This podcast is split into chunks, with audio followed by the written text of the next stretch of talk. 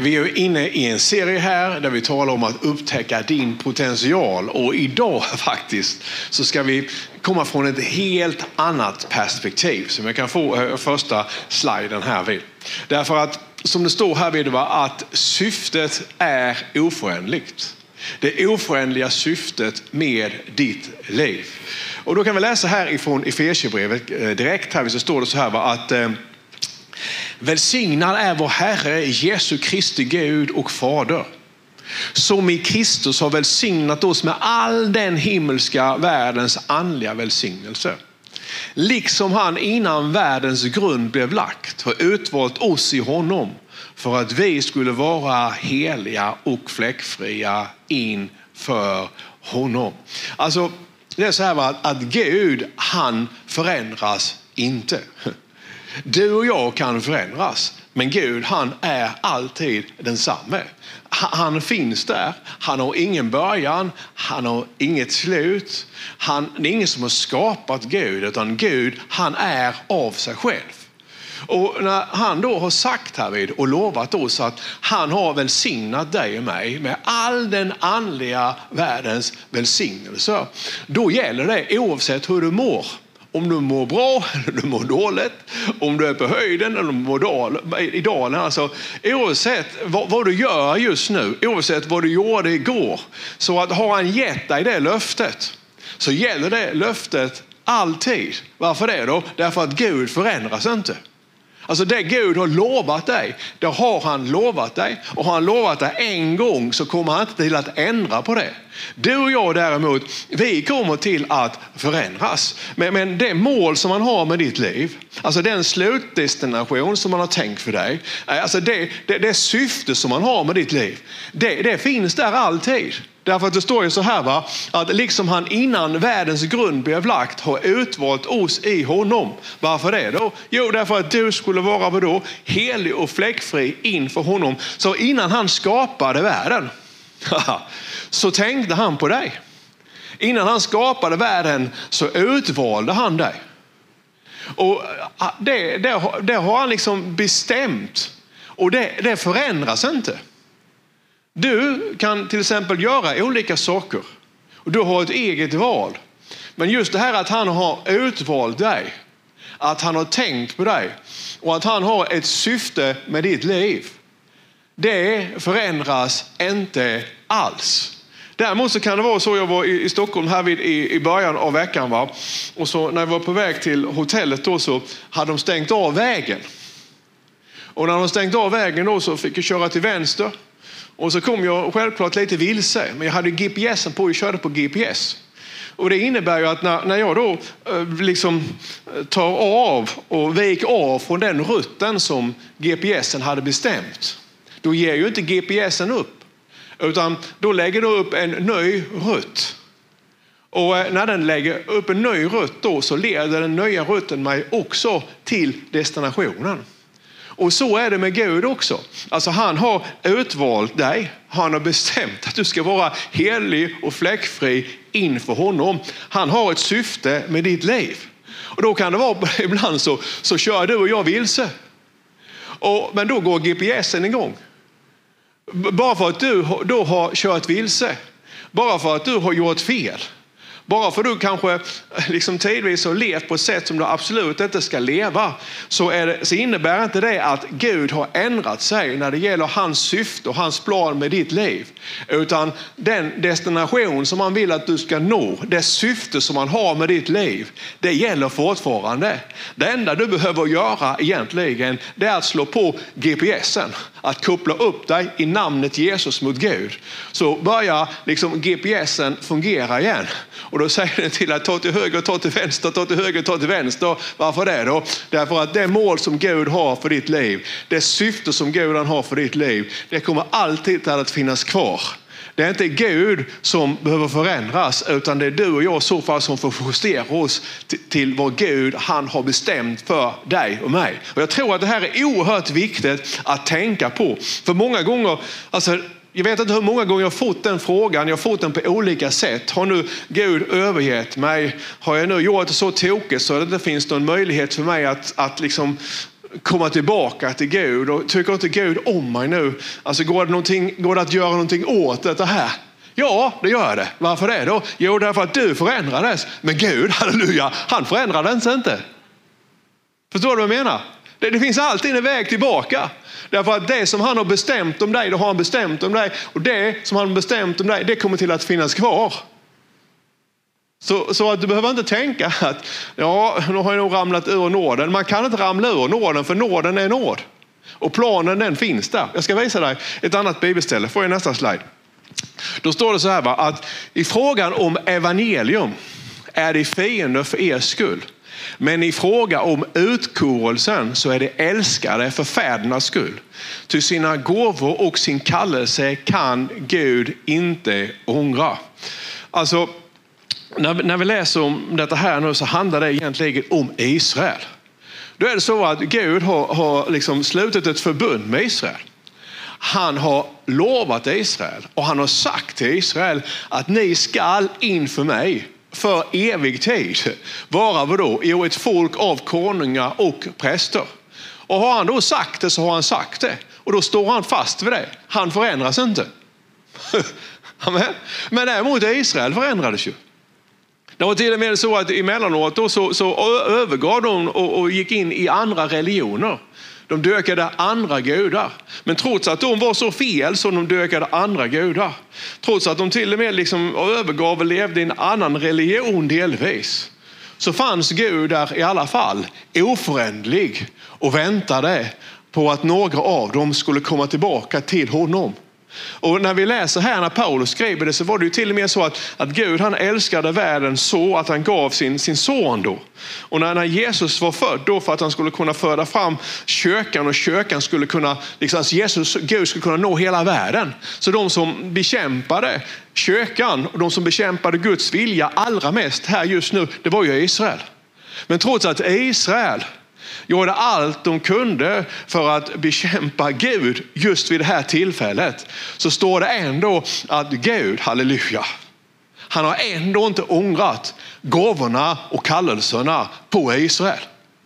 Och, och, om han inte ångrat dem på Israel, då har han heller inte ångrat dem på dig. Kom igen nu, hör du vad jag säger? För vi tänker så väldigt ofta på det sättet att nu är jag utanför Guds vilja. Ja, men då kan du få komma tillbaka. Därför att det handlar inte alltid bara om dig och det handlar inte om dem, utan det här handlar också om Gud. För att vi vill många gånger göra Gud mänsklig, men Gud är inte en människa. Gud är Gud. Gud tänker inte som en människa. Vi, vill, vi ger Gud mänskliga egenskaper. Men du vet att hela Jobs bok då, nästan 40 kapitel, där, där är det väldigt djuptänkande teologer och de är oerhört intelligenta. Och de funderar och de talar och de försöker förklara Gud. Och sen slutar hela den här boken då med att de kommer fram till att ingen har fattat någonting om Gud överhuvudtaget. De har talat om saker och ting som de inte kan fatta. Alltså Gud är Gud. Jag kommer till det alldeles strax. Alltså, orsaken till att Gud inte har ångrat sina gåvor och kallelser, det beror på Gud. Utan Gud är på det sättet att det som han har sagt, det står han fast vid. Gud är inte som en människa som kan ändra sig. Utan Gud han liksom trofast sitt ord. Gud han uppfyller all rättfärdighet. Gud han, Gud han är perfekt. Vilket innebär att har han lovat att de ska vara ett folk av präster och konungar inför honom, då kommer han till att stå fast för det. Inte för deras skull, utan för hans egen skull, därför att han har sagt det. Amen. Och när han då har lovat dig, halleluja, att han har välsignat dig med all den himmelska världens andliga välsignelse, så har han välsignat dig med all den himmelska världens andliga välsignelse. Oavsett hur du känner dig eller oavsett vad du gjort så har han gjort det i Jesus Kristus. För att vi i framtiden så står det också, om man hade kunnat läsa vidare här i Fesebrevet, så står det också då att han, han har gjort alltihop detta här. Och han har gjort det för att hans, vi ska lova och vi ska tacka honom för hans nåd. För att I framtiden så kommer vi till att se då att det beror inte på vad vi gjorde, utan det beror på vad han har gjort. Det beror inte på att du och jag levde ett perfekt liv, utan det beror på att han har stått fast vid sitt ord, det som han har lovat. Alltså, förstår du mig? Gud han är som en, en klippa i stormen. Va? När stormen är över oss, då står klippan kvar. Sådan är Gud. Så att när det då gäller kallelsen på ditt liv, och, nu kan det vara så lite grann i frikyrkan och så här att det finns kallelser och så här va, och man tycker både det ena och det andra och det tredje. Men det som, det som väl Gud han har, har lovat, om det verkligen är Gud som har sagt det, då förändras det inte. Därför att Gud ändrar sig inte. Så därför så kan du veta att om det är någonting som Gud han har sagt, och det mesta som han har sagt till dig, det har han inte sagt till dig genom en profet. Utan det mesta som han har sagt till dig, det har han sagt till dig i det nya förbundet.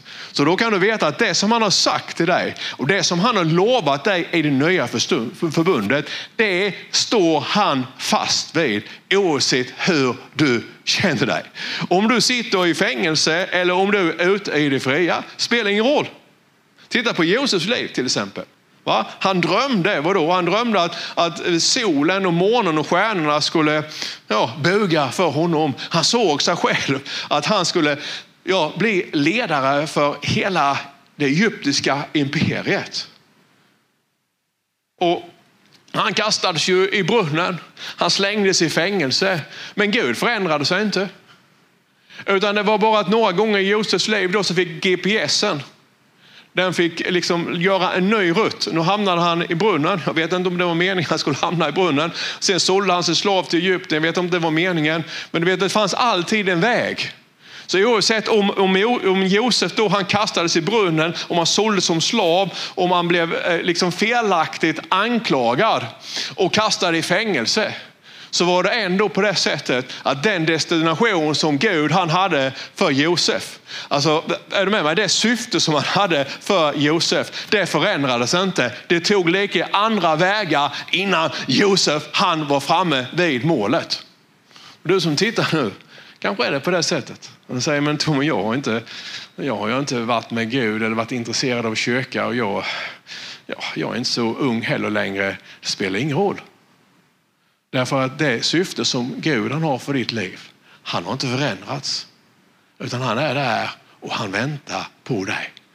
Jag ska förklara några saker om Gud. Vi får nästa slide. Därför att Gud han är den oföränderlige. Tre saker då. Va? Alltså, det ena är till, till han, han, hans väsen då. Alltså Gud har ju ingen början och inget slut. Du och jag blir ju äldre, vi blir gamla. Gud kan inte bli gammal. Därför han har ingen ålder. Han, han har aldrig varit eh, liksom ung Gud. Han, har aldrig, han vet inte vad medelåldern är, för han har aldrig haft någon medelålder. Utan Gud, han bara är i tiden. Gud är Gud av sig själv. Och likadant så när det gäller rummet då, va? Gud kan inte bli svag eller stark. Eller, eh, Gud kan inte vara liten. Gud kan inte växa. Det är inte så att Gud kan växa. Utan Gud han är, är, är perfekt, han är absolut, han är oändlig. Han, förstår du vad jag menar? Så, så att ibland så tänker vi på Gud som om han vore en människa. Men Gud är ingen människa. Och, och, eller också så vill vi att Gud ska vara lite mer som en människa. Och det är kanske det största misstaget vi gör. Därför att mm, han blev människa i Jesus Kristus. Eller hur? Men han är Gud, så han tänker inte som du och jag. Och vi kan inte lägga liksom hur vi tänker på honom därför att då är det lätt till att vi missar målet. Gud är Gud. Och sen den andra saken här, det är att det är Guds egenskaper. De förändras inte heller. Alltså Gud är, han är Herren, vår Gud och vår läkare. Det var han för 3000 år sedan, det är han idag också. Han är Herren vår Gud som förser. Det var han för 2000 år sedan. Det är han idag också. Han är Herren vår Gud och vår herde. Det var han för 3000 år sedan, för 2000 år sedan, för 1000 år sedan. Det är han idag också. Han ändrar, ändrar sig inte. Är han Herren vår Gud och vår läkare så är han Herren vår Gud och vår läkare. Alltså de egenskaper som han har, de förändras inte. Han är som han är. Och du och jag kan inte påverka det överhuvudtaget. Utan Gud, han är Gud. Ibland så, så, så tänker vi så här att, att ju fler det är som ber, desto mer kan vi påverka Gud. Och när någon är sjuk då så, så lägger vi ut det kanske på sociala medier. Absolut inget fel att göra det, det menar jag inte. Och det, det är helt rätt, för då kan vi vara fler som är med liksom i den här kampen och det är inte det jag säger. Men det står ingenstans i skriften att ju fler det är som ber, desto större chans är det för att få ett, desto större chans är det att få ett bönesvar. Utan bönesvaret kommer på grund av vad Gud han gjorde i Jesus Kristus. Hur många är det då som behöver be i namnet Jesus Kristus för att bönesvaret ska ske? En. Det beror alltså inte på att vi presterar. Ibland så hör man människor säga, men titta nu, nu är vi tusen som ber. Det hjälper ju inte om det är tusen som ber. Alltså om det är en människa som är sjuk. Därför att det står skrivet va, att mycket förmår en rättfärdig mans bön. Elia han bad, eller hur? Och i tre och ett halvt år så stängde han himmelen. En rättfärdig mans bön. Mose bad, Abraham bad. Och, och det, det, är det jag menar, vi kan inte påverka Gud på det sättet, utan vi måste förhålla oss till hur Gud är. Vi kan inte ändra på Gud. Utan Gud han har bestämt att i namnet Jesus Kristus, amen, så kan vi göra väldigt, väldigt mycket. Det är allt du och jag behöver, att tro på namnet Jesus. Och vi behöver inte anstränga oss väldigt mycket heller, därför att det har inte med prestation att göra. Utan det gäller att förstå och få en uppenbarelse om vem är Gud? Och sen när du vet vem Gud är så får du förhålla dig till honom. Därför att han är både fruktansvärd och underbar. Han är enorm i kraft och han är fantastisk. Och sen till sist då, va? han är det liksom oföränderlig när det gäller sina rådslut. Så vad han har sagt, det ändrar han inte på. Och det tycker jag är bra. Titta nu här som det står i Romarbrevet 8.29. Då, va? Det är dem som han i förväg har känt som sina har han också förutbestämt till att formas efter hans sons bild. Så han har bestämt i sin allsmäktighet att de som han har känt som sina, om du är i Jesus så har han känt dig som sin. Och då har han bestämt att du ska bli lik Jesus. Antingen du vill eller inte.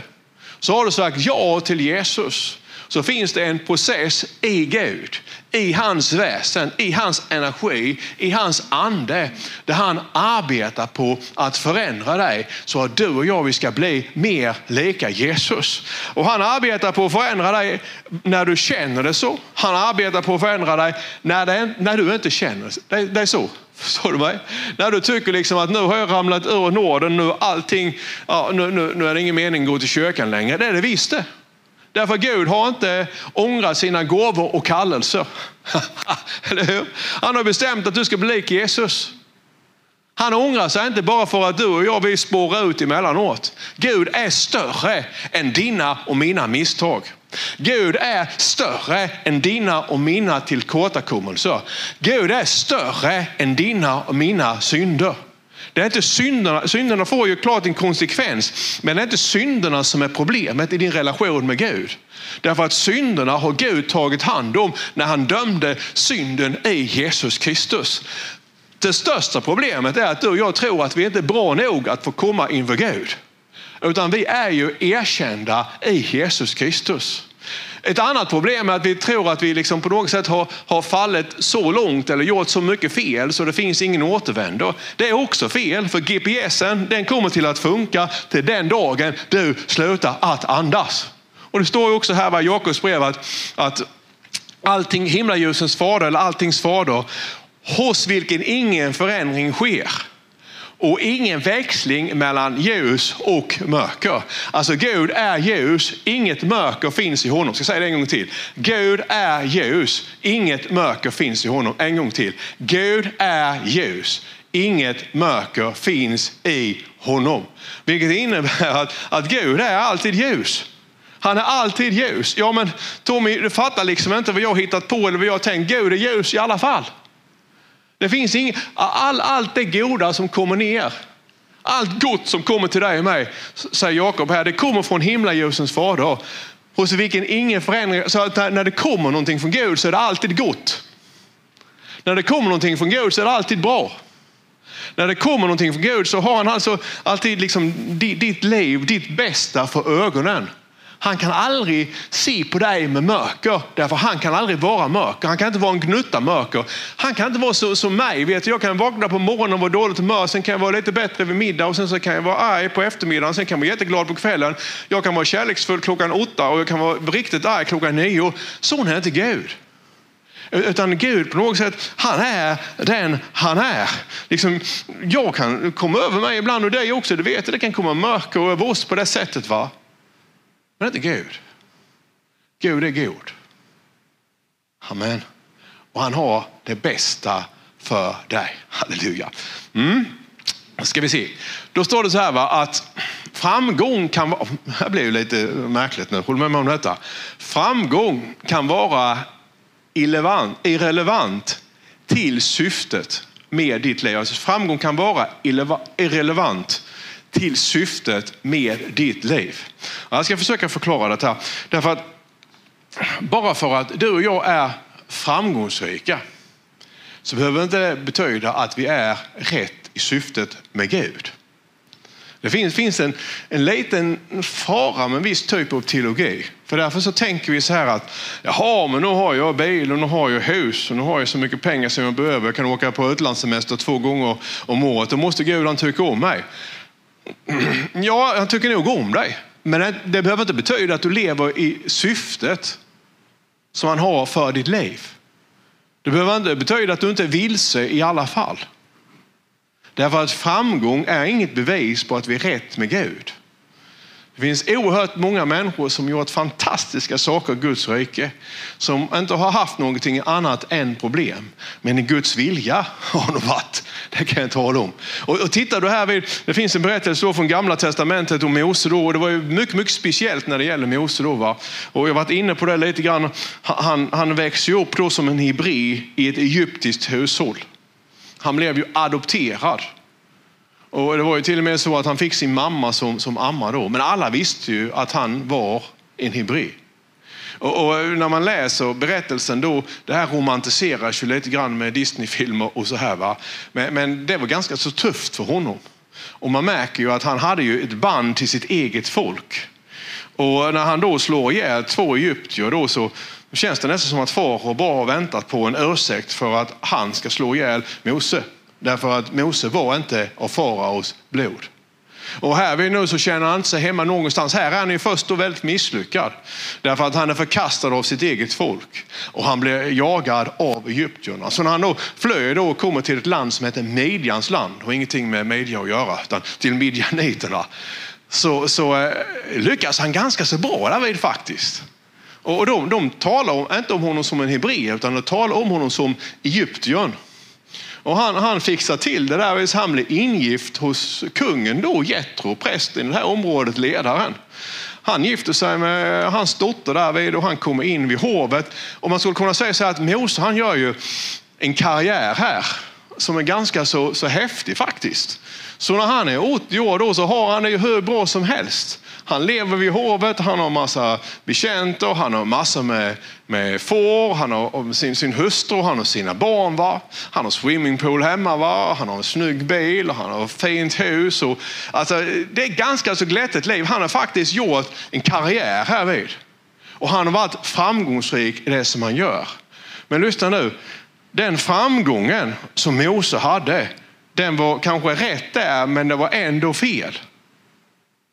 Alltså det är möjligt att vara framgångsrik och fel. Mose var framgångsrik, men han var fel därför att syftet med hans liv det var inte att leva ett, en miljonärs liv vid hovet i Midjans land. Utan syftet med hans liv, halleluja, det var att gå och utmana farao som en gång hade jagat honom. Och i namnet Jesus, eller i Guds namn, säga släpp mitt folk fri. Ser du vad jag menar? Det står här va. Och då, då, då står det också så här. I Josua kapitel 1 och 8 att låt inte denna lagbok vara skild från din mun. Tänk på den både dag och natt så att du håller fast vid och följer allt som är skrivet i den.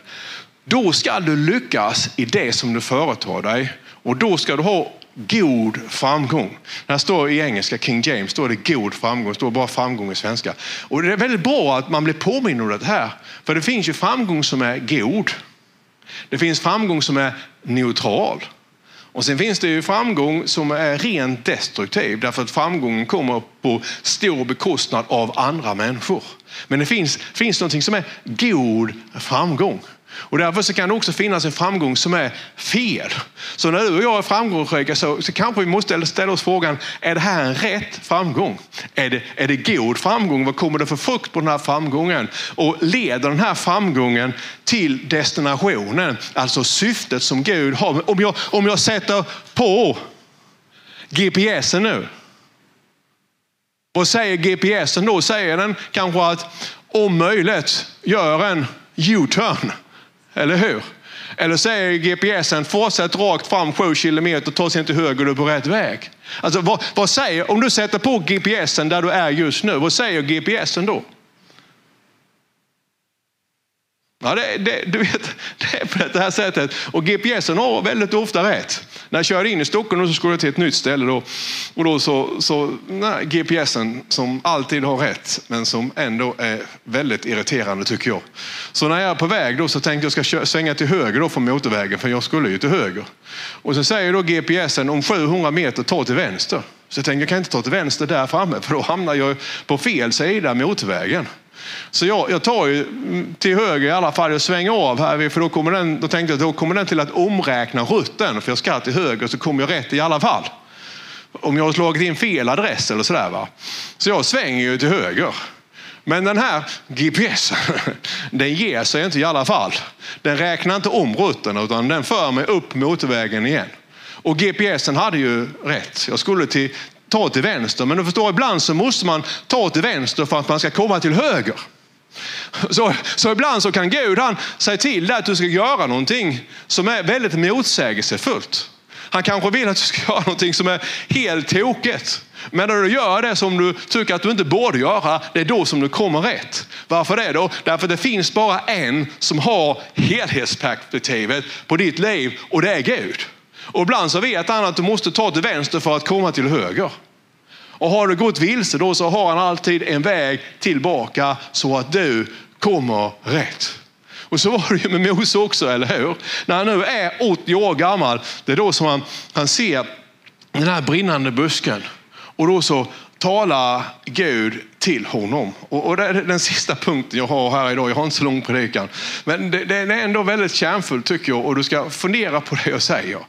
Därför att jag har mött det hos så många människor. Du är bra nog. Gud har inte glömt dig. För när han kommer till Mose nu så, så är det ju nästan 400 år sedan han sist talade till Israel. Och, och för du måste förstå detta här, va? Att, att även om Gud då inte har talat till dig på väldigt länge, om han har varit tyst, att Gud är tyst är inte detsamma som att han har glömt dig. Att Gud är tyst kan betyda att han inte har så mycket att säga just för tillfället. Men han älskar dig i alla fall och han har absolut inte förändrats. För sina gåvor och kallelser kan han inte ångra och ta tillbaka. Du är fortfarande i hans plan. Som det står här, va? Gud är Gud över både dina bättre och sämre sidor. För det som, som händer här vid nu det är att när Gud han då uppenbarar sig för Mose så säger han att jag är Abraham, jag är Isak och jag är Jakobs Gud. Och då så kan man fundera på varför, varför säger han Jakob? Därför att ni, ni som kan er gamla bibeln, ni vet ju att, att Jakob, det betyder egentligen bedragare, trickster på engelska. Jakob, han var inte så snäll, utan Jakob han bedrog sin pappa, han bedrog sin bror och det rörde sig om väldigt stora pengar. Det väldigt sig om väldigt mycket egendom. Och eh, han, alltså han, han var inne i det här. Det låg lite grann i deras släkt. Det som jag tycker är bra med Bibeln. Därför att Bibeln den, den döljer inte hur människan är. Jag skulle kunna berätta om, om liksom dessa olika karaktärerna i Bibeln. Och det som gör att man stussar tillbaka mellanåt, det är att när, när Gud berättar om människan, så berättar han om människan så som han, hon är på, på riktigt. Vi i kyrkan vi kan ibland liksom lägga på en fasad och, och visa bara fram det absolut bästa. Men när Gud berättar om människan, så visar han hennes absolut sämsta och mest ruttna sidor emellanåt. Han visar också när människans storhet och det fantastiska slår igenom självklart. Men, men han, han vill göra det. Varför det? Då? Därför att vi ska veta att Gud han, han tar sig an människor. Och vi människor, vi är inte perfekta. Det är därför som Gud han har gripit in, halleluja, för att hjälpa oss och rädda oss så att vi ska kunna komma till honom. Och den här Jakob då, han, han blev förvandlad för att när, när Jakob då hade lurats och, och lurades och, och lurat och lurades och när han då är tillbaka så, så möter han Gud igen. Och då säger Gud till honom att du kommer inte in till det som jag har gett dig om du inte förändras. Och, och när, när, när, då han kommer in i en brottningskamp med Gud och du kanske upplever det själv. Ibland så kan man känna det. Liksom. Man kan känna av en brottningskamp med Gud. Där man, därför att man vill en sak och Gud han vill någonting annat. Och till sist då så, så får, får Jakob ge upp. Han ger upp sitt gamla liv. Han är tvungen att lämna bedragaren för att han ska komma rätt i livet. Alltså även om Jakob hade varit väldigt dum så hade Gud inte övergett honom. Och då får han ett nytt namn. Han får namnet Israel. Israel kan betyda Israel kan betyda liksom det heliga landets prins, alltså. eller också kan det betyda brottats med Gud. Vi vet inte riktigt vad Israel betyder, men det betyder att man är på något sätt prins. Prins, Guds prins. Men här vi då, det vill säga, så säger han att jag är din faders Gud, Abrahams Gud, Isaks Gud och Jakobs Gud. Varför det då? Jo, lyssna nu. Gud var både Jakob och Israels Gud. Därför att i Jakob och i Israel så fanns både Jakob och Israel. Där fanns Israel, alltså den nya skapelsen. Guds prins. Men här fanns också Jakob bedragaren. Men det var Jakob bedragaren som när han somnade på kvällen såg himmelen öppen. Hur änglarna steg upp och ner. Hur kunde en bedragare få se himmelen öppen? Jo, därför att den plan som Gud hade för Jakob, den förändrades inte när Jakob var fel. Jakob han var liksom the bad guy. Så att när Gud han då säger att jag är din faders Gud, Abrahams Gud, Isak och Jakobs Gud. När han säger Jakobs Gud, vad, vad han säger här bland annat då, det är att han säger att jag är din Gud. Även när du misslyckas. Jag var din Gud även när du bedrog din far och lurade din bror, så var jag din Gud. Jag var din Gud när jag mötte dig vid Jabboks vadställe. Och jag har varit din Gud även när du blev min prins. Jag har alltid varit din Gud. Därför att jag har kallat dig och jag förändras inte. Jakob, du har förändrats, men jag har inte förändrats.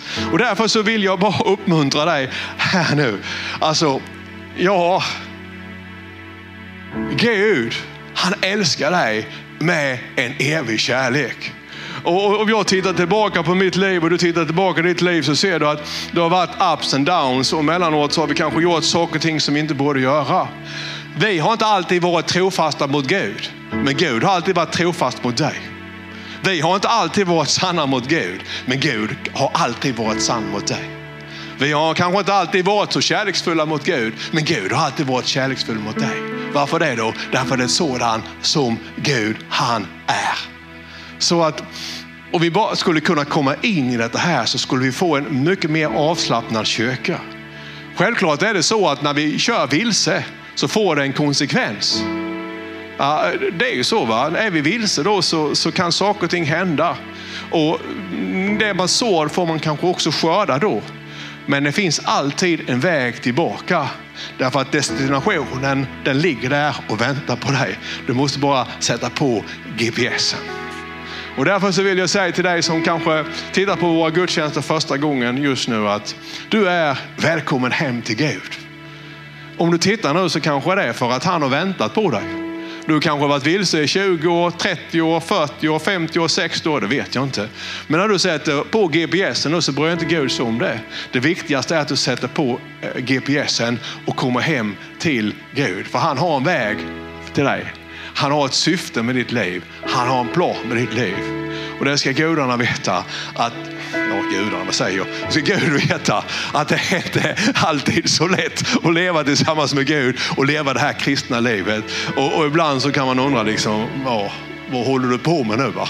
Men eh, i allt detta här, då när vi tycker det är så jobbigt, så kan du veta att ja, vi förändras. Men Gud, tack och lov, han förändras inte. Ditt sätt att se på Gud kan förändras. Men hans sätt att se på dig förändras aldrig. Han ser alltid med dig med en överflödande rik kärlek. Där allt bara beror på nåd. Hör du det? På nåd. På nåd. Och det här är ju problem med kristna ibland, för här kan de vara så tjockbenade i sitt huvud och jag också, för vi vill gärna lägga till en prestation. Men det är bara nåden som öppnar på den största kraften från Gud. Han älskar dig. Halleluja. Jesus.